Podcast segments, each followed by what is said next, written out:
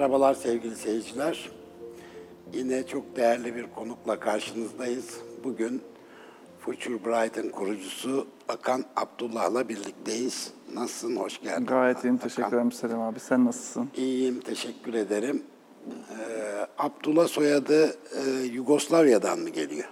Yugoslavya'da normalde orada e, işte e, biz bu Trakya bölgesinde haçlar düşer ya orada o öyle O düşmüş. nedenle. Abdullah olacaktı soy isim ama zamanla bir tane L bir tane haç düşmüş olmuş Abdullah. Abdullah tekleye düşmüş. Evet. Yani Baştaki- Abdullah'la bağlantısı var mı? Var, var. soracaktım. Abdullah öyle olmuş. Ama mesela burada Abdullah isim oluyor ya. O bende soy isimler. Yani birazcık karışmış işler oralarda. Evet evet olsun. Çok sorun değil. Ee, sevgili seyirciler, Akan Yugoslavya doğumlu. O zamanın Yugoslavyası değil mi? Sonra Makedonya. Ee, evet. sonra Yıkılınca şimdi ülke. Makedonya, Üsküp mü? Üsküplüyüm evet. Üsküp doğumlu. Ee, ama köken olarak Türk kendisi. Şu an Türkiye Cumhuriyeti vatandaşlığın var mı? Yok çalışma izniyle Çalışma çalışıyorum izniyle Türkiye'de. Evet. Ee, ama Türkiye Cumhuriyeti vatandaşı gibi oldun Evet, artık. çok uzun zamandır buradayım. Burada şirketleri var kendisinin. Değer verdiğimiz bir arkadaşımız. Bizim meslekle bağlantılı e, uzmanlıkları var. Kendisinden istifade ediyoruz araştırmalarından, e, ortaya çıkardığı verilerden. Şirketin adı da Future Bright. Future gerçekten bright mı? Şimdiye kadar pek olmadı ama parlak olmadı bu gelecek ama hep umut var yani. yani sonsuz bir Vallahi. umutla yaşıyoruz yani. Hakan şimdi ben iki birkaç hafta önce birkaç hafta oluyor. Ee, hocamız Deniz Ülke Arıboğan'ı konuk etmiştim. Onun da Duvar adlı bir kitabı var. Tam bir distopya okumuşsundur, görmüşsündür. Kitabımda da bahsettim aslında o kitaptan. Duvardan da bahsetmiş Ha, oldum. Bu şimdi- kitapta geçirdim onu. Evet. Şimdi e, sevgili seyirciler, Hakan'ın kitabının adı Öngörülemeyenler. Şöyle bir defa adı biraz ürkütü, ürkütüyor hafiften. Sonra bir alt başlığı var. Şimdilik algoritmaların kimin kontrolünde olduğunu biliyoruz. Çok ya- yakında bilemeyeceğiz demiş. Yani bu da mı bir distopya? Vallahi olmaz. Biz biraz üto- ütopya konuşalım diyoruz ama Olur istersen konuşuruz ama istemeden biraz distopik oldu. Ee, vallahi oldu. Ee, çünkü evet biraz algoritmalara girelim buradan. Oradan gireceğim. Şöyle e, aslında bir böyle bir uyanış oldu benim için. Ben gün sonunda algoritma işi de yapıyorum. Yani veri, algoritmanın temelinde veri var. Tabii. Algoritma dediğimiz şey aslında e, yazılımlar. Yani biz sosyal mecralara girdiğimizde zannediyoruz ki orada özgürüz. Oysa ki orada özgür değiliz tabii ki. O sosyal mecraların arkasında yazılımlar var ve bu yazılımlar aslında e, yazılımların tek görevi var bizim e, davranışlarımızı veriye dönüştürmek. Bu yani. Bu arada şu anda e, araştırmalar şunu gösteriyor. Bir günümüzün yüzde kırkı veri artık. Yani algoritmalar şu ana kadar yüzde kırkını e, hayatımızın çalmışlar gibi görünüyor. Bir yüzde altmışlık kısım kaldı. Ve bu algoritmaların arkasındaki şirketleri de biliyoruz. Aslında onu anlatmaya çalıştım. Yani şu anda biliyoruz. Muhatabımızın kim olduğunu biliyoruz. Evet. Bu algoritmanın arkasından devasa şirketler var. Ve bu şirketler aslında bizi insan olarak değil bir veri kaynağı olarak görüyorlar. Ve o yüzde kırkları önce yüzde elli, yüzde altmış sonra bir gün yüzde yüze dönüştürmek istiyorlar. Ama asıl problem şu ki onların yazdığı algoritmaların üzerinde onların da kontrolü azalıyor. Çünkü şunu görüyoruz dünyadaki algoritmalar, e, şimdi e, marka gibi söyleyeceğim artık herkes kullandığı için. Facebook'un bir algoritması var. Diğer sosyal mecraların bir algoritması var ve bu algoritmalar artık birbiriyle etkileşime geçmeye başladılar. Ve etkileşimden doğan sonuçları kimse kontrol edemiyor. Ve yarın Selim abi en çok konuşulan mevzulardan bir tanesi bu e, algoritmalar kendi kodlamalarını, kodlarını yazmaya başladığında ne yazacaklar? Ve o zaman kimin kontrolünün altında olacaklar? Şimdi hala bir arkada bir insan yazıyor gün sonunda bu kodları ama yarın yazmayacak. Ve bu algoritmalar birbirlerinin etkileşimden ki bugüne kadar bu etkileşimden çok sorunlar çıktı. Yani bu gelecekte olacak bir şeydir. Oldu zaten. Pound'un bir ara değeri düştü. İki tane al- e, şeyin e, finansal algoritmanın yaptığı yanlış satın sa- satın alma ve satmanın üzerine pound durduğu yerde değer kaybetti. Bugün mesela yanlışlık sonucu. Yanlışlık bir sonucu manipülasyon oldu. yoktu. Yoktu, yoktu. Sadece bir etkileşimden çıkan bir hata. Hatta bugün şöyle e, görünüyor, Wall Street'teki çalışanların yüzde 60, çalışan sayısının yüzde 60'ı gitmiş. Kim yapıyor artık Wall Street'te bu işlemleri? Demek ki algoritmalar yapıyor. E bu algoritmalar sürekli birbirine etkileşime geçtiğinde yeni bir şey sonuç çıkaracaklarsa ve biz bu sonucu arkadaki o şirketler ve insanlar kontrol edemeyecekse o zaman sonuç ne olacak? İşte burayı hiçbirimiz doğru düzgün öngöremiyoruz. Onun için öyle başlatmıştım kitabı. Şey demiştim, biliyoruz şu anda, sayabiliyoruz kim var bunların arkasında. Ama onlar da bu kontrolü kaybettiğinde ne olacağını artık hiçbirimiz tahmin dahi edemeyeceğiz dedim. Şimdi konuya uzak seyircilerimiz de biraz daha iyi anlasınlar. Şimdi e, bizi, seni, beni veriye dönüştürüyor. Evet. E, ne yapıyor veriye dönüştürürken? Bu adam mavi sever diyor. İşte sağ veya sol görüşlüdür diyor. Şöyle düşünür. Değil mi? Şöyle düşünür diyor. Karnıyarık sever diyor. Şunları sever, şu ürünleri sever, şunları Ürünleri, sevmez diyor. Şunları sevmez diyor. İşte şu kadar e, ekran bağımlılığı vardır diyor mesela. Bu kadar sosyal mecralara takılıyor falan filan. Bir uzunca bir liste çıkarıyor. Seninle de ilgili bir liste çıkarıyor. Sonra Sonra, asıl sonra e, Evet. e, o ö- ikimiz de veriyiz. Artık veriyiz. Artık Yüreğin veriyiz. İşte orada öngörülme e, hikayesi başlıyor. O kadar e, ve- seni veriye döndürüyor ki artık öngörülebilir hale getiriyor. Evet. Ve seni her şekilde manipüle etmeye çalışıyor. Şimdi ben şeyi dahi geçtim. Yani e, onu sever, bunu alsın. Bunu zaten yapıyorlar. Artık bunu zaten teslim etmiş durumdayız. Bu zaten reklam, pazarlama, reklam, Reklam, evet. Bu, bu, bu evet. kapitalizm dünyası ve arkasında bir mantık var ve yürüyen bir mantık var. Ama asıl siyasilerin eline geçince bambaşka bir şeye Evet. dönüştü. Ki artık Trump gitti e, ve hala konuşuluyor Cambridge Analytica. Cambridge Analytica e, işte patates mi sever sadece ona bakmadı ya da ne düşünür solcu mudur sağcı mıdır? Korkuları nedir sorusunu sordu. Ve korkularını e, bir insanın öğrendiğine çırılçıplak o insan karşında. Artık ona yapamayacağın bir şey yok her şekilde yönlendirebilirsin ve korkularını öğrendikleri seçmeni ciddi şekilde seçimlerde yönlendirdiler. Trump'ın e, başkanlığı sırasında 4 yıl boyunca bu tartışıldı. Kim kazandı bu seçimi? Bir algoritma mı kazandı? Yoksa Trump mı kazandı diye tartışıldı. Şimdi sen seçimini dahi e, kim kazandı sorusunun cevabını veremiyorsan zaten demokrasinin en birinci taşıyıcı kolunu seçimi kaybetmiş oluyorsun. Dolayısıyla mevzu birazcık bizlerin yaptığı işin dışına çıktı. Biz zaten günün sonunda e, çikolata satmaya çalışıyoruz. Gene masum bir tarafı var yani. Çok masum değil ama çikolata satıyoruz yani. Ama seçimlere müdahale ettiğinde, bir insanın korkularını öğrenip, korkularını tetikleyerek ona bir davranış değiştirdiğinde orada başka etik sorunlar Peki bunun e, Amerikan seçimlerinde yani Trump'ın seçildiği Amerikan seçimlerinde e, oranı nedir acaba? Bilebiliyor muyuz onu? Ee, çok şey çok yani çok e, yani şeyler seçildiler. Çok yakın bir oranla aslında Yok oranlar yakın da yani bu algoritmaların mahkumu olan e, seçmenlerin oranı böyle bilgi Bir- var mı? Bilgi yok çünkü e, ondan sonra mahkemeleri falan verildiler. E, Şirketi hemen hızlıca kapattılar ama şunu biliyoruz ki neredeyse e, 50 milyona e, yakın Amerikanın datasının işlendiğini ciddi bir ciddi bir rakam rakam. Yani 300 milyon 50 milyonun datası yakından işlenmiş gibi görünüyor. Dolayısıyla devasa data ve bu datayı da Facebook'tan aldılar, indirdiler ve Facebook'tan izin almadan indirdiler. Facebook onları uyardı bu datayı kullanamazsın diye. Cevap verdiler, kullanmayız dediler. Çok iyi. Yani zannediyoruz ki büyük önlemler alınıyor. Yani maille yazıyorlar. Almışsın datamı kullanma, söz veriyorum kullanmayacağım. Böyle bir Ama. Hakan sana bir şey bir deneyim aktaracağım.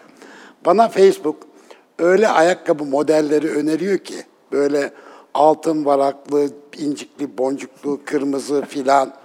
Yani bu Demiyorum. ne al, ne menem al- algoritmadır diyorum yani. Ya şöyle sen kuvvetli ihtimal e, bıraktığın izler üzerinden sistemi hackliyorsun. Kuvvetli ihtimal o standart o sürekli aynı izleri bırakmıyorsun. Kuvvetli ihtimal fazla meraklısın ve her yere her şeye baktığın için seni anlayamıyor, kafası karışıyor. Ha, kafası E, onun için ben seni öngörülemeyenlerin içine koyuyorum. Bu arada yapmamız gereken şey de bu. Sürekli Değil mi? devamlı bir şekilde aynı şeylere bakıp, aynı şeyleri takip edip, bizimle aynı fikirde olan insanları alkışlamaya devam edersek e, tabii ki kölesi oluruz. Ben öyle olmadığım için kafası Evet karışıyor. ihtimal sen çok meraklısın ve e, sadece senin gibi düşünenlere bakmıyorsun. Benim tahminim sen de her şeyi okumaya çalışıyorsun. Hem fikir olmadığın insanlar ne demiştir diye bakıyorsun. Daha çok onlara bakıyor. Onlara daha çok baktığı için algoritman kafası karışıyor. Yani onun için seni bir yere profilleyemiyor. Ee, zaten e, kitapta anlatmaya çalıştığımda zaten tam da bu. Nasıl kurtulacaksın? Hadi nasıl... şaşırtalım şu algoritmayı. Nasıl şaşırtılan onu ben hackleme derken pozitif hackleme anlamında diyorum. anladım. E çünkü şunu söylüyorum, algoritmanın e, çalışma şekli şu Selim abi. Şeye bakıyor, kime benziyorsun ve o benzerleri seni nasıl yan yana getiririm? İşte Facebook'ta 100 arkadaşımız olabilir ama bunların 10-15 tanesiyle çok aynı fikirlerde olabiliriz. Aynı politik fikirlerde, aynı tüketim fikirlerinde, aynı hayat tarzına. Aa, makine bunu anladığı zaman şunu yapıyor. 100 arkadaşın olduğunu düşünüyorsun ya, ayırıyor 15 kişiyi ve bundan sonra sen o 15 kişiden başka hiç kimseyi görmüyorsun. Buna zaten yankı odası deniyor. Yani o odanın içinde bir zaman sonra herkes senin gibi düşündüğü için şöyle düşünmeye başlıyorsun. Demek ki ben ne kadar haklıyım. Ben normalin standardı benim. Yani onun için öyle düşündüğün için de senden farklı düşünenlere karşı toleransın düşüyor. Oysa ki bu sistemi hacklemek istiyorsak sadece bizim gibi düşünenleri takip etmek Twitter'da, Facebook'ta bu doğru değil. Mesela Türkiye çok polarize olmuş durumda ve bu anlamda herkes kendi şeyinin grubunun içindeki yaşamaya ve orada haklı olmaya çalışıyor. Ondan sonra farkına varmıyoruz ki başkasının ekmeğine yağ sürüyoruz. Oradan da bir kitlesel meşruiyet elde ediyor zaten. Hep haklı olduğum bir Değil yer mi? oralar. 100 bin, 100 bin kişi. Evet. Herkes benim gibi düşünüyor. Herkes benim gibi. O zaman e, bizim gibi düşünmeyenler deviyasyondur oluyor ve çok toleransımız oluyoruz. Oysa ki bizim gibi düşünmeyen sadece farklı fikre sahip olan insanlardır. O kadar yani. O kadar. Bu kadar basittir olay. Ama e, farkına varmıyoruz ki, zannediyoruz ki bu arada kendi kendimiz bu noktalara geldik. Oysa ki farkına varmıyoruz ki arkasında kuvvetli bir sistem ve bir makine var ve bu makine bundan para kazanıyor. Yani biz birbirimize bıdı bıdı ediyoruz, birisi de para kazanıyor bu işten. Tabii bu kitlesel meşruiyetin yanında bir de e, kitlesel güç temerküzü oluyor. Arkanda bir ordu varmış gibi davranıyor olabilirsin. Evet, Öyle değil mi? sonra çok şaşırıyorsun sonuçları da. zannediyorsun ki Aa, bu sefer böyle olacak çünkü, çünkü hep onu görüyorsun. Ve zannediyorsun ki kendi gerçeğin aslında bütün ülkenin gerçeği. Türkiye 83-84 milyonluk bir ülke ve 84 milyon ülkede tabii ki farklı hayat tarzları, farklı fikirler, farklı davranışlar var. Ama bu makine zaten onların hiçbirisini senin görmeni istemiyor. Hatta araştırmalar 9 tane farklı hayat tarzı olduğunu gösteriyor. Ki ben mesela bunu bir politik örnek olarak söylemiyorum. Bunu mesela şey olarak söyleyeceğim. Ee, bizim girişimciler, girişimcilerimiz de öyle. Mesela gidiyorum bu girişimcilik şeylerine, e, öyle ofisleri var onların. Bir bakıyorum o kadar birbirine benzer girişimciler ki, yani bir kere Edirne'ye bakmamışlar, bir kere Gaziantep'e bakmamışlar. Tamamıyla İstanbul. İstanbul'un şey dünyası. Onun için bizde markalar doğuyor ama markalar çok hızlı şekilde girişim markalar da ölüyor. Çünkü devasa bir pazar var ama biz görmeyi reddediyoruz. Biz hep birbirimize benzerlerle oturup birbirimize ürün satmaya çalışıyoruz. Oysa ki Türkiye'nin devasa markalarına baktığınızda onlara sözcü söylemeyeceğim. Bütün Türkiye'yi konuşuyorlar. 84 milyonu yatay kesiyorlar. Onun için e, hep senin haklı olduğun, hep senin gibi e, e, fikirleri olan insanlarla yan yanaysan emin ol makinenin kölesi olmuşsun farkında değilsin. Değil mi? Zaten bazı sektörlerde Türkiye'de arz fazlası var. Mesela un fabrikası. Ve herhalde kapasitenin, Türkiye'nin kapasitesinin yarısı boş. Çünkü komşudan görüyor, o da yapıyor, o da yapıyor, o da yapıyor. Vallahi şöyle söyleyeyim sana, e, ben e, böyle bir önce geldiğimde buraya bir Alman şirketine girmiştim. Babam demişti, "Ha, öğrenemezsin Türkiye'yi, sen birazcık Merter'i görmen gerekir demişti. Bir ara sonra çıktım, makine satmaya karar verdim ve Merter'de makine satıyordum. Mesela triko makinesi satarken şunu görmüştüm, bütün triko e, fabrikaları Sivaslıların elinde. Çünkü Az evvel o mantıkla anlatacağım. Çünkü bir Sivaslı triko işinde başlayınca bütün Sivaslılar triko işi kurmuşlar. Biraz öyleyiz biz tamam o küçük gruplarda biz. Balıkçılar da Erzincan. E, Balık, balıkçılarda hepsi de Erzincanlıdır bu arada. Çünkü bir komşu başarılı olur sonra bütün komşular aynı sektörün içine girerler. Peki bu dokuz farklı hayat tarzı e, sıralayabilir miyiz hızlıca? Dokuzunu da hepsini şu an sayamam ama e, taşıyıcı olanları söylerim. Konda'nın hayat tarzları zaten. Endişeli modernler, bizleriz. E, modern muhafazakarlar, e, mahallenin gençleri, geleneksel muhafazakarlar. Vallahi sayıyorum galiba hepsini. E, uzaktakiler, kimler vardı? E, şeyler, e, kırdaki gelenekselciler. Altı oldu gelecek geçecek. Tamam anlaşıldı mesele. Ama taşıyıcı olanları söyleyeyim. Asıl e, mesela şey makine bizi ayırmaya çalışıyor ama enteresan bir şey görüyoruz biz e, Selim abi datanın kendisinde. Aslında endişeli modern modern muhafazakar çok ciddi şekilde bir araya gelmeye başlamış durumdalar. Şimdi bu nasıl oldu? Nasıl oldu? Her taraf üniversitede oldu. Her taraf. Ee, işte e, bazıları şey diyor işte tabela üniversiteler bilmem neler ama çok büyük bir yararı oldu sosyolojik olarak oldu. Çünkü bu çocuklar bir araya geldiler Selim abi. Aynı dersliklere girdiler, aynı hocalara kızdılar, aynı notları paylaştılar, aynı sınavlarda kopya çekip birbirine dedirttiler. Kampüste, algoritmalarda çalışmıyor. E, Orada kal- ah, aynı masaya geldiğin zaman algoritmalar çalışmıyor. Yani sana anlatılan, seni ayırmaya çalışan, seni kendi dünyana atmaya çalışan algoritma biz bunu yaptığımız zaman çalışmıyor. Tamam, yüz yüze iletişim ve etkileşim Aynen. burada ortaya aynen. çıkıyor. Ama şimdi bir problemimiz var. Covid'in içindeyiz. Ve e, yine kapandık evlerimize. Ben en çok üzüldüğüm şey e, bu e, e, şeylerde kap- aç- bir buçuk senedir aslında evlerimize kapanıyoruz ya. En çok üzüldüğüm şey birbirimizle aynı masalara daha az geliyoruz ya. Oysa ki- Daha çok algoritmaların mahkum daha oluyor. çok teslim oluyoruz onlara. O, bu da bizim toleransımızı daha da çok yiyor. Bundan dolayı şimdi baktığında sosyal medyada bu kadar linçler arttı. Zannediyoruz ki biz kızıyoruz. Kızmıyoruz. Birisi bizi tetikliyor. Çünkü biz kızdığımızda, bir duygu yoğunluğu yaşadığımızda daha çok tüketiyoruz. Tüketimden ürün oyunu, ürünü kastetmiyorum. içerik tüketiyoruz. Daha çok tüketiyoruz, daha çok kızıyoruz, daha çok takip ediyoruz. Ve bu algoritmalarda bizim duygularımızı böyle daha yoğun yaşamamızı Zaten sağlıyor. evdeyiz. Zaten şimdi evdeyiz daha da beter oldu e, bu anlamda. Onun için algoritmaların bu durumunu kırmak için bir kere farklı olanların bir araya geliyor olması gerekiyor. Onun için ben gençliğe baktığımda gençliğin bu kampüsler, bu üniversiteler vesaireler bugüne kadar hiç gel- yan yana gelmeyen hayat tarzlarını yan yana getirdi ve Bu önemli ya. bulduk. Evet. Bak bende de bir aydınlat, aydınlanma yarattın yani. evet işte Gerçekten önemli o. Evet. Dolayısıyla biz e, biz e, geçmişten e, bazı sosyolojik şeyleri taşıyor olabiliriz ama gençlerimiz taşımıyor. Umarım bu Covid'ler, Movid'ler de bittikten sonra da daha da yatay kesen duygulara gelecekler ve hiç taşımayacaklar. Yani inşallah şu Covid'den kurtulalım da Evet. bir an önce. Covid'le ilgili herhangi bir şeyin var mı söyleyeceğim bir şey? Bir içgörü uzmanı olarak. da aynı Vallahi çok var. zamanda. E, Yani bu arada şunu söyleyeyim de temkinli ol. Ee, şey e, tabii sen e, veri analistisin. O bakımdan kahin diyemem ben Diyem- sana da. diyemem. Olamam zaten. Elbette. Ama e, bu zamana kadar yeryüzünde yapılmış kehanetlerin çok azı isabet etmiş. Tabii, tabii. Çünkü zaten e, Selim abi yani artık bu kadar belirsizliğin bir norm olduğu bir dünyada kimse kainlik falan yapmasın. Gerek yok. Zaten biz eskiden mesela e, 4-5 yıllık planlama yapardık markalara. Bugün 4-5 yıllık planlama ya- yapacağın marka bulamazsın yani. Hangi marka dünyada 5 yıllık planlama yapabilir? Onun için kehanet yapmayacağım. Sadece şimdi söyle. olup bitenleri anlatacağım. Bu arada şey e, yanlış anlaşılmasın çok kötü bir şey bu hastalık ama her musibette bir hayır vardır. Bazı hayırlar da var. Bunu da göz ardı etmeyelim. Onun için hayırlarla başlayacağım. Bir, e, sadece e, tüketim değerleriyle yaşıyorduk uzun zamandır. Şimdi üretim değerlerine çok önem vermeye başladık. Şimdi sürdürülebilirlik diye bir muhabbet dönüyor ya sürekli markalarda. Markalar bunu hep yapıyorlardı. Özellikle global markalar. Ama tüketicilerimiz pek anlamıyorlardı. Onu söyleyeyim. Gerçekten sürdürülebilirliği takip edenlerin oranı %6'ydı Covid'den önce. Doğrudur. Şimdi %43 Selim abi. O kadar. %43. Bu arada sürdürülebilirlik demiyorlar hala. Kendine yetmesi ülkenin diyorlar. Bu da sürdürülebilirlik günün sonunda. Dolayısıyla bu ülke zaten aslında eğitimde yıllardır kendine yeten bir ülke muhabbeti yapıyordu.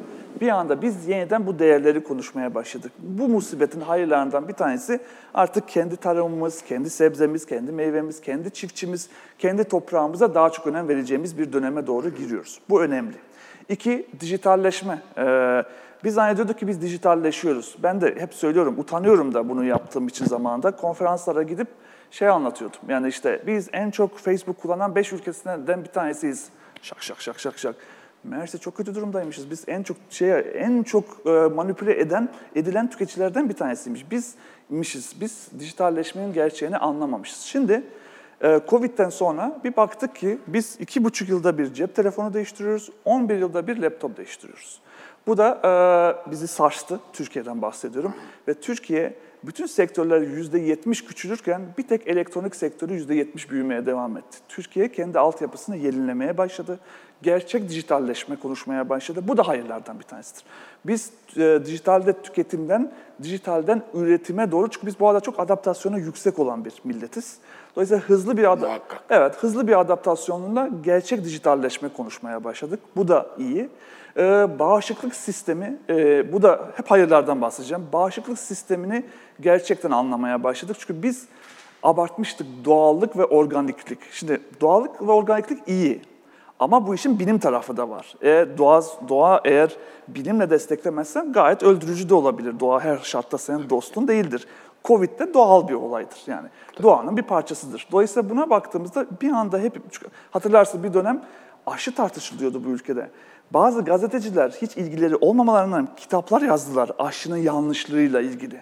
Şimdi burada değiliz. Şimdi yavaş yavaş şunu anladık. Evet doğal iyidir, doğa iyidir ama bir hare gerekir. O da bilim haresi. Bağışıklık sistemi, e, biyolojik teknolojiler. E şimdi kendi bilim insanlarımız e, aşıyı buldular. E, bu insanların ortaya çıkması Türkiye'de başka bir hava estirmeye başladı. Dolayısıyla bir anda hepimiz bilimde konuşmaya başladık, bağışıklık sistemi konuşmaya başladık. Bu da eksikliklerden bir tanesi. Bunların hiçbirisi şey değil, kehanet değil. Bunlar ama kalıcıdır ve Türkiye bazı dijitalleşmedir, biyolojidir, e, bağışıklıktır. Bu anlamlarda e, COVID'den bazı hayırlar da görmüştür diyeceğim. Peki tabii bu dijitalleşme e, ister istemez eğitimin e, bu hallere düşmesi falan da bunu zorladı. Çok hazır değildik ya. Çünkü söyleyeyim o biraz evvel söyledim o laptoplar vesaire çocuklarımızın şey altyapısı laptoplar çok eskiydi. Çünkü biz e, çocuklarımızı da e, dijitali tüketmeye itekledik. Verdik cep telefonlarını ellerine. Kodlama, e, herkes böyle bir e, reklamda kodlama konuşuyor. Biz bir araştırma yaptık. Türkiye'de kodlama ile ilgili bir şey duyan çocuklar yüzde bir buçuk. Bir buçuk. Zannedersin ki herkes kodlama yapıyor. Türkiye'de yapmıyor. Biz çünkü her şeyi mışlarda yaşatıyoruz. Hep bir reklam dünyasında yaşatıyoruz. Şimdi e, yavaş yavaş bu altyapıyı yenileme, e, çocukların laptoplarını yenileme, çocukları gerçek dijitale doğru e, yönlendirme şeyi e, başladı. Son zamanlarda ben de çok kodlama, işte çocuğuma nerede kodlama eğitimi ve, e, aldırabilirim falan çok duyuyordum. Duyuyor. Çünkü e, hep reklam gibi yapıyorduk. Şimdi gerçekten e, anlamaya başladık bazı şeyleri. Bu arada ben şeyi de söylüyorum. Makine bir zaman sonra kodlamayı da öğrenecek. Ben hatta şu noktadayım. Evet çocukların belli bir dijital okur yazarlığa kesinlikle ihtiyacı İhtiyaç var. var. Ama şunun şuna daha büyük ihtiyaçları var. Duygusal okur yazarlığa daha çok ihtiyaçları var. Çok teşekkür ederim. Yani çünkü kodlamada bir komoditeye dönüştü. İşte Kesinlikle komodite. yapılıyor yani. Ve makine yapacak. Yani komodite olmaktan Yarın, dahi çıkacak. evet, e, Bizim e, makineye karşı, robotlara karşı tek avantajımız bize verilen duygusal zeka. Evet. Başka hiçbir şey değil. Onun için bu duygusal zekayı anne babalar çocuklarında geliştirirlerse yarınki robotics dünyasında rekabet etmesini sağlar çocuğun. Sadece kodlamada kalan yine maalesef rekabet edemez. Sadece çocuk meselesi değil bu bir ülke meselesi. Yüzde yüz. Soyut şeyler ekonomisini bunun için yapıyoruz. Yüz- Bu arada ben yakından takip ediyorum. Bu arada beni davet etmene çok uzun zaman e, bekledim. E, Bekledin. Vallahi bekledim. Yani çok benim için çok önemli bu davet. Ben çok programa katıldım ama seninle bunu konuşmak çünkü bu başlık bile benim için çok değerli. Onu söyleyeyim. Daha kıymetli olanları sonlara alıyoruz. Ee, Teşekkür ederim sağ olun. Bu arada tam da bu çocukların soyut ekonomide e, yaşayabilmesini sağlayacak şeylere yatırım yapıyor olmamız O gerekiyor. zaman eğitim sistemini de baştan sona bir gözden geçirmemiz lazım. Vallahi ben şöyle dedim, o zaman e, iyi bir yerden girdin. Kitapta da onu anlattım. Aynalık ekonomisi dedim. Yani e, Selim abi, aynı eğitimlerden geçiyoruz. Aynı optik boşlukları dolduruyoruz. Çok rasyonel, mesela ben yılda bir buçuk milyon insanın datasını okuyorum. E, Türkiye'de e, rasyonel zeka çok gelişmiş durumda. Yani rasyonel herhangi bir şeyi tüketici çok iyi anlatıyor. Duygus, duygularını anlatmaya gelince duygularımızı anlatamıyoruz. Dolayısıyla bizim eğitim sistemimizden başlayıp... Kompozisyon dersi kaldı mı acaba? Ee, Bilmiyorum ama e, anlatamıyoruz derdimizi. Bizim oralara bir bakmamız ve yavaş bu duygusal e, zeka ve duygusal duygulardaki okur yazarlığı birazcık destekliyor olmamız gerekiyor. Çocuklarımızı sakatlıyoruz bu rasyonel zekayı besleye besleye. Hayat bir optik boşluk doldurmak değil. Aynılık ekonomisinde neyi kastediyorum? Hepimiz bu sefer aynı okullardan mezun olup, aynı takım elbiseleri giyip, aynı fikirlere sahip, aynı AVM'lerde yemek yiyip, birbirimizin benzeri hale gelip sonra şunu soruyoruz. Niye global bir marka çıkmadı? Mesela okuyorum o global markaları kuran çocukları hepsi birbirinden tuhaf. Ben şey diyorum, defolu ürünler diyorum onlara. Defolu ürünler lazım bize. Yani aynılık ekosisteminde yaşamayan, defo, bir defosu olan, yani farklı bir şey olan e, çocuklara ihtiyacımız var. Şimdi e, yanlış ifade etmeyeyim, mealen söyleyeceğim. Ivan İliç'in Okulsuz Toplum kitabında şöyle bir ifadesi vardır. Okul diyor sizi toplum standartlarına ikna etmeye çalışan bir reklam ajansıdır diyor. Çok iyi bir şey. Yani işte oradan da fabrikasyon ürünler çıkarıyoruz. Belki eğitim eğitimin ta, yani en azından bu tarz bir eğitimin başlangıç aşamalarında falan kaldık ya neredeyse. Maalesef. Yani gerçekten devlete ve topluma uygun vatandaş yetiştirme e, modundayız biz hala. Maalesef. Tam da öyle e, Selim abi. Hani az evvel dedik ya biz adaptasyon, üretimi iyi biliyoruz. Tam da bunu biz her e, aşamada böyle bir standartizasyona gitmeye, fabrikalaşmış, fabrikası, fabrika gibi ürün çıkartmayı çok başarılı yaptığımız için eğitimde de aynısını yapıyoruz ve bu sefer standart dışı olanı standarda uydurmaya çalışıyoruz. Biz e, defolu ürünü, ben bunu pozitif anlamda söylüyorum, sevmiyoruz. Birazcık bunu değiştirmemiz lazım. O zaman ona aynalık ekonomisi demiştim bir yerde Evet, galiba. aynalık ekonomisi demiştim ve ben o aynalık ekonomisi beni üzüyor, beni çok üzüyor. Ee, bir de zannediyoruz ki e, işte özellikle mes- mesela daha eğitimli, daha kariyeri olan beyaz yaka şeye bakıyorum. Hep zannediyoruz ki çok farklıyız. En çok aynalığı orada görüyoruz. O kadar birbirimizin kopyasıyız ki, o kadar birbirimizin aynısıyız ki tam böyle bir tornadan çıkmış gibi duruyoruz. Bunu değiştirmemiz lazım. Yine soyut şeyler ekonomisinin misyonuna değinerek o zaman e, şöyle bir cümle kurayım ben. O zaman rekabet edeceğimiz yer bizim, e, dünya toplumlarıyla rekabet edeceğimiz yer de duygusal zeka. Onun çıktıları da neler? Sanat, edebiyat, genel anlamda kültür. Valla Selim abi Jack Ma'ya sordular ki biliyorsun e, şeyin Ali Baba'nın kurucusu Robotics'in kralı adam. Dediler ki çocuklarımızı nasıl eğitelim? Zannediyorlar ki şey diyecek, e, makine öğretin, kodlama öğretin. Tam da bunu söyledi. Edebiyat öğretin dedi. Sanat öğretin dedi. Sosyoloji öğretin dedi. Antropoloji, psikoloji öğretin dedi. Çünkü bunlar bizim e, şu anda ko- kopyalanamayan özelliklerimiz. Dolayısıyla bu soyut şeylerin ekonomisini anlayacak çocuklar yetiştiriyor olmamız gerekiyor. Bunun için de bir aynı zamanda multidisipliner bir eğitim gerekiyor tabii. Şimdi antropoloji, sosyoloji, edebiyat, e, sanat deyince Valla e, Selim abi şöyle hep bunu söylüyorum. Ben e, kendi jenerasyonuma son Mohikanlar diyorum. Çünkü biz e, dijitalde doğmadık ama dijitale fena halde düştük. E, bizden sonraki jenerasyon tamamıyla dijitale düştü. İşte biz belki de son şanslı jenerasyon bizdik. Çünkü ben okuldan mezun olurken bir meslekle mezun oluyordum. Ekonomiden mezun olan ekonomist oluyordu. Bu artık yok. Artık bir şeyden mezun olup bir şey olmak yok. Artık multidisipliner olmak gerekiyor. Aslında tabii ki bir konuda uzmanlaşacaksın ama probleme diğer konulardan da bakacak bir bilgi seviyesine sahip olmak zorundasın. Çünkü tek uzmanlık bir makine tarafından çok rahatlıkla şey olunur, kopyalanır. Gerçi birçok üniversitede bu multidisipliner lik konusu şey yapılmış, ciddiye alınmaya Şu an çok başladı. ciddiye alınıyor. Özellikle Japonya'dan, Japon üniversitelerinden duyuyorum ben. Kısa bir reklam arası verelim, ondan sonra devam edeceğiz. Biraz sonra buradayız sevgili seyirciler.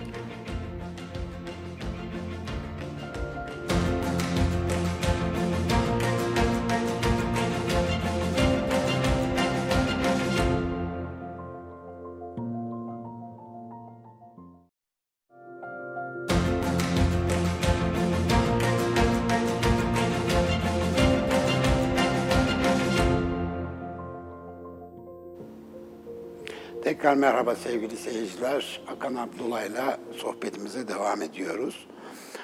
Ee, Akan eğitimden bahsettik.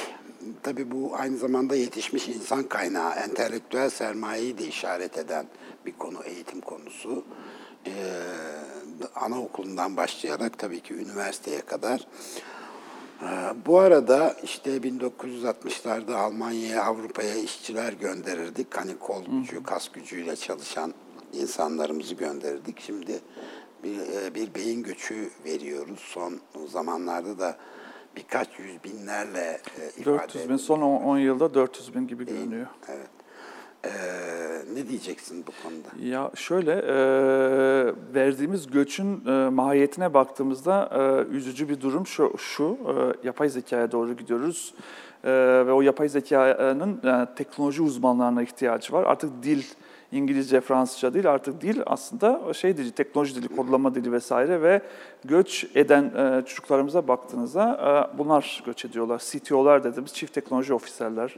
Yani e, yazılımcılarımız, kodlamacılarımız onlar e, göç ediyorlar. Bunu bir şekilde durduruyor olmamız gerekiyor. Çünkü ikinci bir devrim kapıda, bütün dünyada kapıda bu yapay zeka devrimi konuşsak da hala o devrimi tam olarak yaşamız değiliz.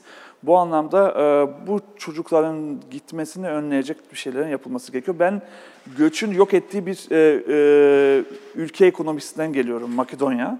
Artık Yugoslavya yok, Makedonya'da yaşıyorum. Mesela e, şöyle söyleyeyim, global markalar yatırım yapıyorlar sonra çıkıyorlar ülkeden.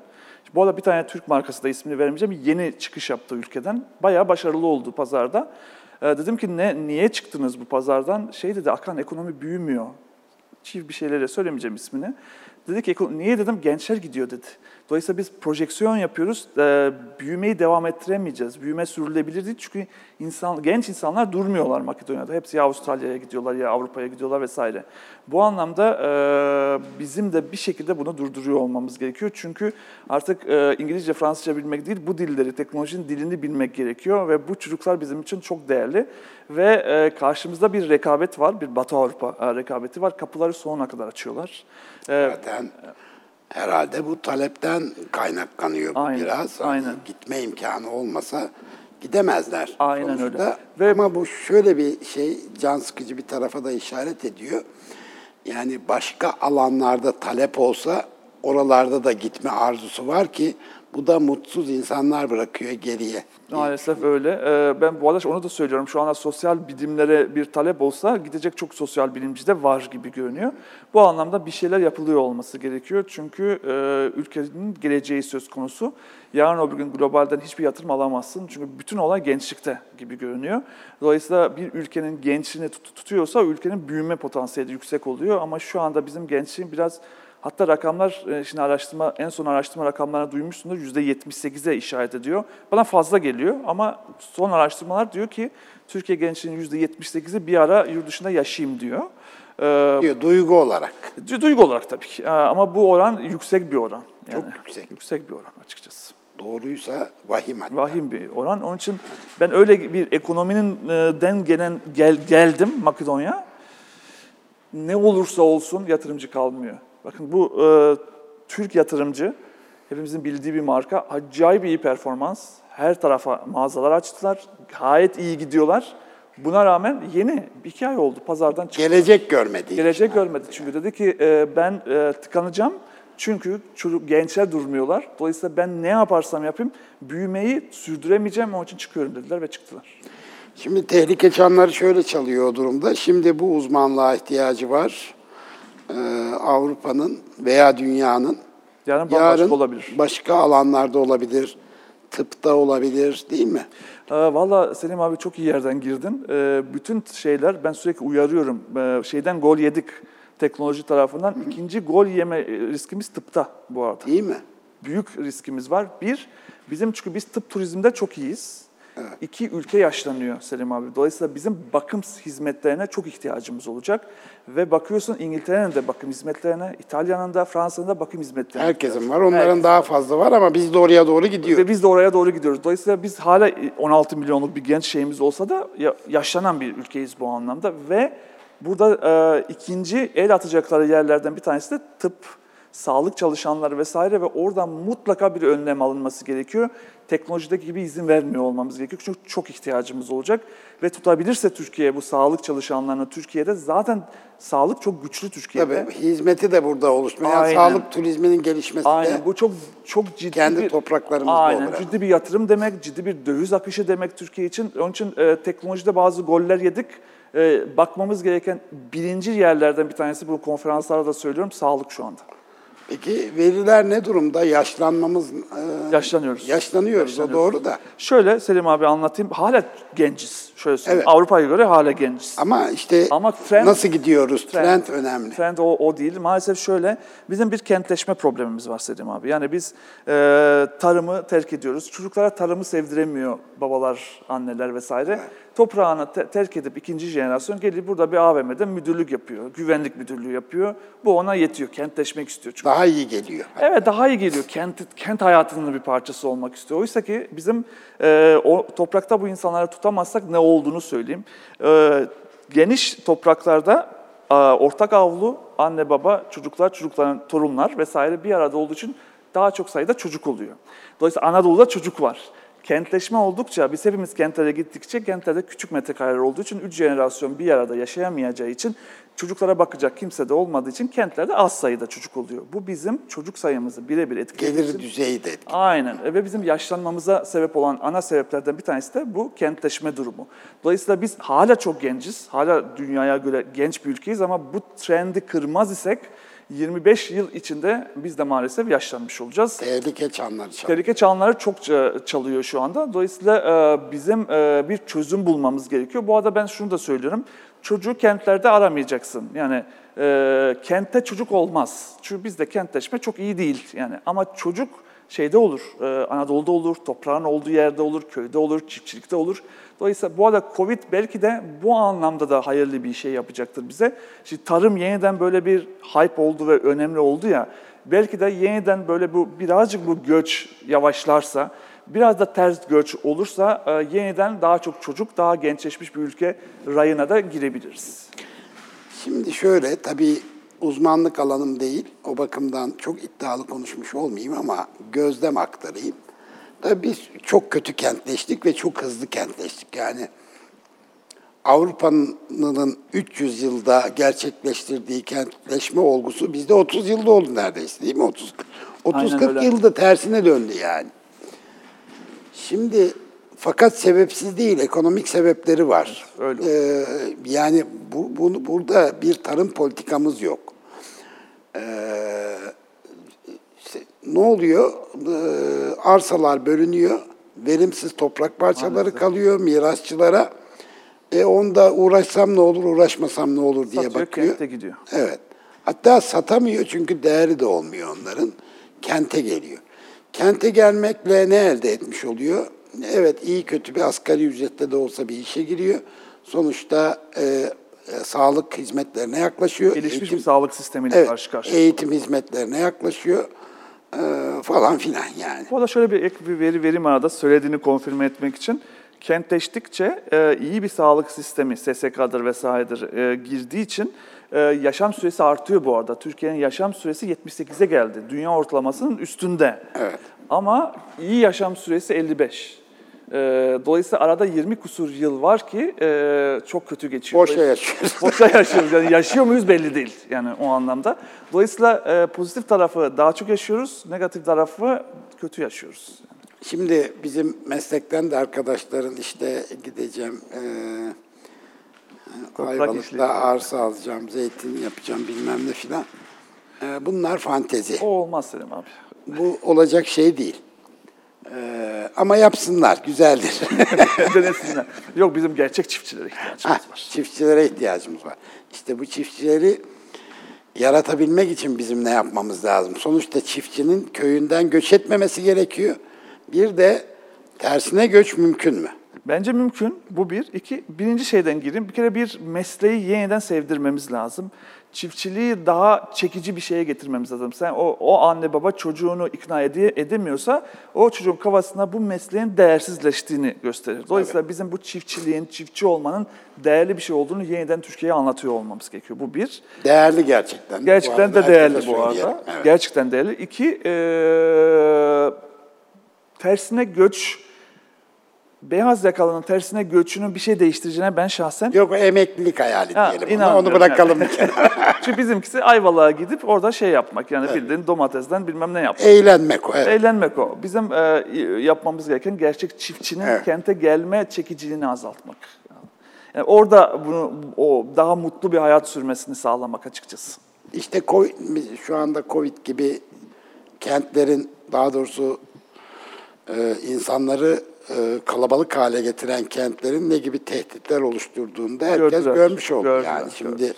köydekiler Çok daha huzurlu, serbest çok daha huzurlu. rahat yani. En azından kapısının önüne çıkacağı bir yeşil alanı var. Ya bir toprak görüyor zaten. Toprağı ben e, 10 metre ötesini göremiyorum binalardan dolayı. Yani. Evet, e, öyle. O bakımdan köylülüğün eski itibarına hani Geriye getirmek. bizim efendimiz olduklarına ikna etmemiz gerekiyor gerçekten. Ee, orası doğru. Ee, aslında bizde üniversite dediğin sosyalleşme bakımından gerçekten çok önemli bir fonksiyon icra ediyor ama eğer bütün gençler üniversite mezunu yapma e, O da doğru değil. şeyi de doğru değil. O da yine mesleklerin yani bir teknikerliğin itibarsızlaşmasından kaynaklanıyor. Oysa onları da itibarlı hale getirmemiz lazım. Ya bir musluğu tamir edemiyorsak o ne kadar kıymetli bir adamdır su tesisatçısı öyle değil mi? Öyle, öyle. O, o, o, o Meslek eğitimi. Ha, o dengeyi de tutturmak lazım. Ona da yüzde yüz katılıyorum. Meslek eğitimi hala hala ve hala çok kritik Türkiye'de. Maalesef. Şimdi e, yatıştırıcılar. Öyle bir kitle. Ben bu arada açık konuşayım ki ben bana ve bana benzeyenlere yatıştırıcılar dedim. Yani biz beyaz yakalılar çok yatıştırıcıyız. Evet. Yani e, Ne yapıyoruz? Yani ne yapıyoruz? Ee, bu arada e, önce kavramı anlatayım. Kavramı ilk defa ben kullanmadım. Winston Churchill kullanmış. Ee, 1938 yılında e, ünlü bir parlamento konuşması vardır. İngiltere'yi Nazilere savaş açmaya ikna etmek istiyor ve e, bir önceki e, başbakan olan Chamberlain'e yatıştırıcı demiştir. Yatıştırıcı da şöyle tanımlamıştır. Biliyorsun Chamberlain sürekli Nazilerle gidip anlaşmaya çalışmıştır. Uçağa e, binip geriye dönüp e, büyük şeyler, haberler vermiştir İngilizlere. Aylar sonra Naziler ülkelerin içine girip tarumar etmiştir. Yani alay etmişlerdir Cham- Chamberlain'le Naziler. Bunun üzerine demiştir ki Chamberlain bir yatıştırıcıdır. Yatıştırıcı ne demektir? Şöyle tanımlamıştır. Yatıştırıcı e, karşımızda der bir timsah var, Nazileri kasteder. Bu timsah önüne gelen her şeyi yiyor. Biz de bizi de yemesin diye buzdolapta ne varsa onun, onun üzerine atıyoruz e, ve beslemeye çalışıyoruz. Ama biliyoruz ki hanemizdeki gıda bir gün bitecek ve bu timsah bizi eninde sonunda yiyecek. Yiyecek. Şimdi biz de e, biz rekla- o zaman reklamcılarda girelim. Ben de bir reklamcı olarak konuşabilirim ya da araştırmacılar, reklamcılar bu hizmet sektörüne. Tamam. Çok yatıştırıcı olduk e, Selim abi. Yani çok yatıştırıcı işi yaptık. Yani markalar yatıştırıcı olmak istediler. Biz de destek verdik bu işlere. Gerçek işler yapılmadı.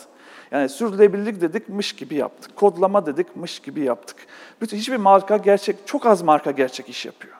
Hepimiz kavramlar dünyasında boğuluyoruz ama pratiğe gelince ve gerçek taşın altına elini sokma noktasına gelince yapmıyoruz. Yani sürekli yatıştırdık. Oysa ki biliyorduk ki Covid bence bir timsah ve bu timsah ne formatta geleceğini bilmiyorduk ama bir bu timsahın geleceğini biliyorduk. Ve geldiği anda bakın çocuklarımızı hazırlıksız e, yakalanmasına sebep olduk. E, bu kadar kodlama, reklam e, kuşağında bu kadar kodlama konuşan bir ülkenin bütün çocuklarının bilgisayarların yepyeni olması gerekirdi. Yok öyle bir şey. Yani e, telekom şirketleri de bunu yapıyor. Herkes bir kodlamalar, bir e, dijital dünyalar ama mışlardan öteye gitmiyoruz. Biz yatıştırıcıyız. Biz sadece timsahı besliyoruz ta ki bizi yiyinceye kadar. Şimdi böyle bir uyandık ve bu yatıştırıcılıktan artık çıkmamız gerekiyor. Ben şunu söylemeye çalıştım bizim sektöre özellikle. Artık mış gibi yapmayalım. Allah aşkına yapmayalım. Hiçbir hayrı yok hiç kimseye. Yani böyle tarımla ilgileniyoruz. 2-3 reklam çekiyoruz. Hop unuttuk. İşte çocuklar ne bileyim sezon e, şeylerinde işçi olarak gidiyor çocuklar pamuk topluyorlar. Pamuk toplayan çocuklara kodlama öğrettik diye reklamlar yapıyoruz. El insaf yani. Ne öğrettin? Gittin çocuklardan bir iki tane fotoğraf, resim aldın orada. Bir sınıfa soktun, 15 dakika bir şey öğrettin. Hop al sana reklam. Bu bana çok yatıştırıcı, çok mışlı dünyalar. Artık şunu anladık. Ben şöyle üç tane kolon çizdim. Dedim ki bir hayır işleri vardı. Türk insanı, e, Türkiye'deki insanımız e, şey istemiyor hayır işlerini markalar yapsın. İstiyor ki bireyler yapsın. Bireyler, patronlar öne çıkacaklar, hayır işleri yapacaklar. Ortadaki kolon doğru tutumlar. Türkiye doğru tutumlarda boğuluyor. Özel gün reklamları. Hepimiz hepimiz buradayız diye bağırıyoruz. Ama asıl insanların şu anda yatıştırıcı olmamak için aktivizme ihtiyacı var. Aktivizmden şunu kastediyorum, mış gibi yapmak değil, gerçekten yapmak. Yani neyin davasına inanıyorsan gerçekten bir şey yap, gerçekten çocuk öğret, çocuklara bir şey öğret, burslarını arttır. Yani reklam için reklam yapma. Onun için o yatıştırıcılık kavramını aldım Churchill'den ve dedim ki bizim de nazilerimiz Covid. Ee, Biz de bu Covid'e karşı e, artık mışlarla savaşamayız, gerçek işler yapmaya çalışalım. Bunun içinde bir ertelemecilik de var mı? Var. Var tabii yani. Çok erteledik. Yani onların ertelemelerine de biz yardımcı olduk. Reklamcılardan, araştırmacılardan bahsediyorum. Hep beraber algı, algı, algı, algı. Hiçbirimiz şey demiyoruz ya bir arkadaş bir gerçek iş yap ya. Gerçekten böyle içimizden geldiği gibi sen bir reklamını yapalım. Yaptı diyelim bunu ya. Sürekli böyle bir mışlar dünyası yani. İnsanın e, rasyonel bir varlık olup olmadığı konusu üzerinde de biraz konuşalım e, senle. Bunun e, yatıştırıcılıkla ba- bağı da var mı? Ben şöyle bir bağ kurdum şahsen. E, insan aslında ne rasyonel ne irrasyoneldir. Ama bol bol rasyonelize eder. Evet, öyle. Şimdi yatıştırıcılığın da bu rasyonalizasyonla bir bağı var. Çok iyi bir bağ var. Evet. Yani şöyle, e, insan e, biliyoruz ki e, rasyonel gibi görünmek isteyen bir duygusal varlık. Yani biz zaten hep birbirimize böyle profesyonel olalım, böyle diye yazarız ya birbirimize yani. Ama aslında hiçbirimiz profesyonel değiliz. Hepimiz bir duygunun peşinde koşarız. Şimdi bu rasyonalizasyon e, şeyinde bir şeye ihtiyaç var, bir yatıştırıcılığa ihtiyaç var. Biz de onu hep beraber besliyoruz. Yani hepimiz iyi e, e, hissetmek istiyoruz ve birilerinin bir şey yapmasını ve onu alkışlamak istiyoruz. O zaman da bize birisi bunu tamamıyla e, kavrama döndürüyor ve hep beraber kavram tüketiyoruz. Biraz bu kavram tüketiciliğini bir azaltmamız lazım. Biraz gerçek işlere ihtiyaç var. Evet ama bu bizim geleceğimizde mahkum ediyor tabii. Evet işte hani yani bu be- beni üzüyor şu anda. Bu kadar kodlama konuşmuş bir ülkenin çocuklarının bilgisayarlarının 9 e, yaşından eski olması yani bu çok sarsıcı Böyle bir veri şey. mi vardı? E, Var evet. Yani, Yani, bu pandemiyle ortaya Evet çıktı pandemiyle herhalde, ortaya mi? çıktı. Çünkü çocuklarımızın eline veriyorduk cep telefonlarını. Onlar da cep telefonlarını da tüketiyorlardı dijitali. Oysa ki bugün ders görmeleri gerekiyor. EBA'sı var, bilmemesi var, sisteme dahil olması gerekiyor. Laptoplar, altyapı eski şu anda. E şimdi bu da yatıştırıcılık, bu da erteleme, öteleme. Buna ne diyeceğiz ki yani? Dolayısıyla artık e, markalar bir, bir konuda bir iddiada bulunuyorlarsa bunu yapsınlar. Gerçek aktivizme ihtiyacımız var. Peki, eee, Akan, eee, şu eee, algoritmalar konusunda atladığım bir küçük başlık oldu benim. Eee, makul çoğunluk. Türkiye'nin bence en büyük şansı. Hep şunu söylüyorum Selim abi. Ee, biz e, dokuz hayat tarzına ayrı, ayrışıyor olabiliriz ama Evet. bütün dokuz hayat tarzında çoğunluğu makul çoğunluk. Yani ne olursa olsun hep şunu şu örneği çok severim ben. Yani biz e, a- arabada şeye kornaya basarız e, ama arabanın içinden birbirimize küfrederiz. Arabadan çıkan çok az olur bizde tamam. Makuliyet onu gerektirir Çünkü makbullük onu gerektirir. Abartmamayı gerektirir. Dolayısıyla biz o arabanın içinde otur, ot- durduğumuz sürece bu ülke yürür. Onu söyleyeyim. Bu ülkeyi ayakta tutan makul çoğunluktur. Her ne kadar yani her e, hayat tarzının böyle daha radikal bir kavgacı bir Uçları var. uçları olsa da ve onları biz ne kadar daha çok görüyorsak da çoğunluk böyle değil. Ee, Türkiye Türkiye'de yaşayan insanların bir özelliği var. Ee, çok ciddi krizlerde makul olmayı biliyorlar, sakinleşmeyi biliyorlar. Dolayısıyla bu algoritmalar her ne kadar, çünkü algoritmalar şeyi seviyor. Tüketim için daha uçları gösterir algoritma, sever. Çünkü seni provoke etmek istiyorsam en uçtaki fikri alıp senin önüne atmam gerekiyor. Cambridge Analytica'yı andık ya tam da bunu yapıyor bu arada. Mesela güneydeki e, şeylere, e, Trump'a oy verecek yaşlılara oy verdirebilmek için evden çıkartmak gerekiyor onlara. Ne yapıyorlar biliyor musun? Ee, şeylere, demokratlara, genç demokratlara oluşmuş içeriği alıp onlara gösteriyorlar. Onları provoke etmek için. Onlar da diyorlar ki vatan elden gidiyor arkadaş çıkıyorum ben oy vermeye diyorlar ve Trump kazanıyor. Algoritma uçları gösterir. Onun için ben e, algoritma dünyasının yaptığına çok fazla panik yapmamamız gerektiğini düşünüyorum. Hala 9 hayat tarzının içindeki büyük çoğunluk makul çoğunluktur. Arabanın içinde küfreder ama arabadan inmez ve kavgaya da girişmez. Dolayısıyla makul çoğunluk yine de bu ülkeyi stabil tutmayı başarır. Onun için algoritmik dünyanın o çok uçta olan kitlelerin içeriklerini öne çıkarmasına çok fazla şey panik yapmayalım derim. Çünkü biliyorlar ki algoritmalar biliyorlar ki onları daha çok gördükçe daha çok tüketiyoruz. Oysa ki gerçekte onlar o denli çok değiller. Ee, tabii ama burada bir anafor da sürekli oraya çekiyorsa kitleleri bu da bir tehdittir. Büyük tehdit bu arada. Ee, Ben bu arada sürekli şunu da söylüyorum. Ee, Mesela e, kitabımda da onu yazdım. Ya Selim abi burada bu işten birileri para kazanıyor. Yani algoritmaların arkasında bir e, devasa bir makine var, bir şirketler var. Birileri e, linç ediliyor orada ve hiçbir güvenlik subabı yok. Hiçbir güvenlik mekanizması yok ve birisi bundan para kazanıyor. Birisi bunun sorumluluğunu taşımak Sadece zorunda. para mı kazanıyor? Sadece para kazanmıyor. Of neler kazanıyor. Bütün dünyayı yönlendiriyor. Dolayısıyla ben çok açık ve net söyleyeyim sorumluluk e, almak zorundalar. Yani e, hiç orada lezzet ver kafasında değilim, bırakın yapsınlar kafasında değilim. Bu algoritmik dünyanın sorumluluk almasını sağlamak gerekiyor. Böyle olmaz. Ben de değilim. Ben tüm sosyal mecra platformlarının bir Birleşmiş Milletler gibi bir yapı altında ticari karlarını etsinler. Önemli değil. Aynen ama bir ko- kontrol altına alınmaları evet, gerekiyor. kontrol altına sıkı bir kontrol altına alınmaları gerekiyor. Öyle bir şey yok. Bir örnek anlatayım. Ee, İnfaz ediyor adam. İnfaz ediyor. Yani bir örnek anlatayım. Mesela e, ben bir kere hayatımda e, linç edildim. Ee, Bir tane televizyon programına katıldım. Tüketici içgörüleri uzmanı yazacaklarına içgörü uzmanı yazdılar. Sabah programı. Kimse de seyretmemiştir o saatte o programı. Ee, Bunu bir yerde sosyal mecrada bir yerdeki televizyon paylaşımından gören bir birisi içgörü uzmanı şey zannediyor, beni bir medyum zannediyor tamam mı? Böyle içgörü, içini görüyorum insanın, bilmiyor ki veri okuyorum. Bununla ilgili bir esprili bir e, tweet paylaşıyor. Ondan sonra öyle bir paylaşım başlıyor ki, öyle bir küfür ki kıyamet ve benim bunu önleyecek hiçbir mekanizma elimde yok. Hiçbir mekanizmam. Diyemiyorum ki arkadaşlar ben medyum değilim, ben veri okuyan birisiyim. Sadece tüketiciyi yazmayı unutmuşlar. E şimdi ama bundan birisi para kazandı. Yani bu mekanizmanın sahibi yukarıdan buradan para kazanıyor ve ben kendi hakkımı bu infazı durduracak hiçbir mekanizmaya sahip değilim. Böyle bir şey olabilir. Zavallısın ya. Zavallıyım yani ya. Zavallıyım ve hiçbir suçum da yok. Zavallı bir şekilde orada infaz ediliyorum. Ve e, bu karşı sisteme, e, bu sisteme karşı al- alabileceğim hiçbir önlem yok.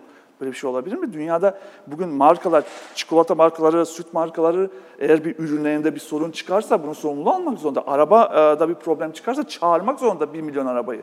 Adamın bütün ürünü sorumlu, hiçbir önlem almak zorunda değil. Hiç. Yani sen artık öldün mü, kaldın mı, infaz mı edildin, bütün şey, reputasyonun mu sallandı?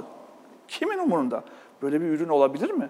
Şimdi bu arada e, şöyle... Ve bu durumda affedersin sözünü kestim de öngörülemez olmak da yetmiyor. Yetmiyor. Yani- Bu artık önlem alınması gerekiyor. Başka bir şey. Öngörülmek, e, öngörülemez olmak bir nebze bir şeyi çözüyor. Bu başka bir şey Selim abi. Çünkü hatta şöyle bakmak lazım. Şimdi Avrupa Komisyonu'nun son aldığı önlemlere bak baktığımızda şey diyor. Bu insan hakları beyannamesiyle ilgili bir şey yapmak gerekiyor diyor. Bu çok önemli. Çünkü artık mesele öyle. Tweet mi attın, Facebook'ta bir şey mi koydun değil. İnsan hakların senin sarsılıyor. Yani e, gençlerde intiharlara kadar giden bir şey var. Yani bir çocuğu e, mobbinge tutabiliyorsunuz ve ölümüne de sebep olabiliyorsunuz ama bunun hiç kimse sorumlusu diyor, e, değil. O sistemden para kazananın da hiçbir sorumluluğu yok. Yani hepimizi bir arenaya atıyorlar. O arenada biz birbirimizi yiyoruz ama kimsenin bir sorumluluğu yok. Yani bugün e, e, bir otomotiv markası e, otomobil üretip de 10 bin kişi yollarda ölürse şey diyor, e, ölmüşsünüz yollarda kusura bakmayın. Bir sorumluluk gerekiyor. Akan e, soyut şeyler ekonomisi senin gibi memleket üzerine düşünenleri çok seviyor gerçekten. Teşekkür ederim. Say- seviyor da sayıyor da öyle söyleyeyim. Teşekkür ederim. Ayık kafayla hani ne olacak bu memleketin hali sorusunu hepimizin sorması ve buna cevap araması gerekir. Sen de bu dostlarımızdan birisin yani. Teşekkür. Ben teşekkür ederim. Programıma değer kattın. Ben, sağ ben olasın. teşekkür ederim. Çok sağ ol. Ee, maalesef süremiz bitti. Ya bir daha çağırırsın artık. Bir daha çağırırım. tamam inşallah. Ee, çok teşekkür ediyorum. Sağ ol. Sevgili seyirciler, haftaya yine burada olacağız. Bekleriz efendim.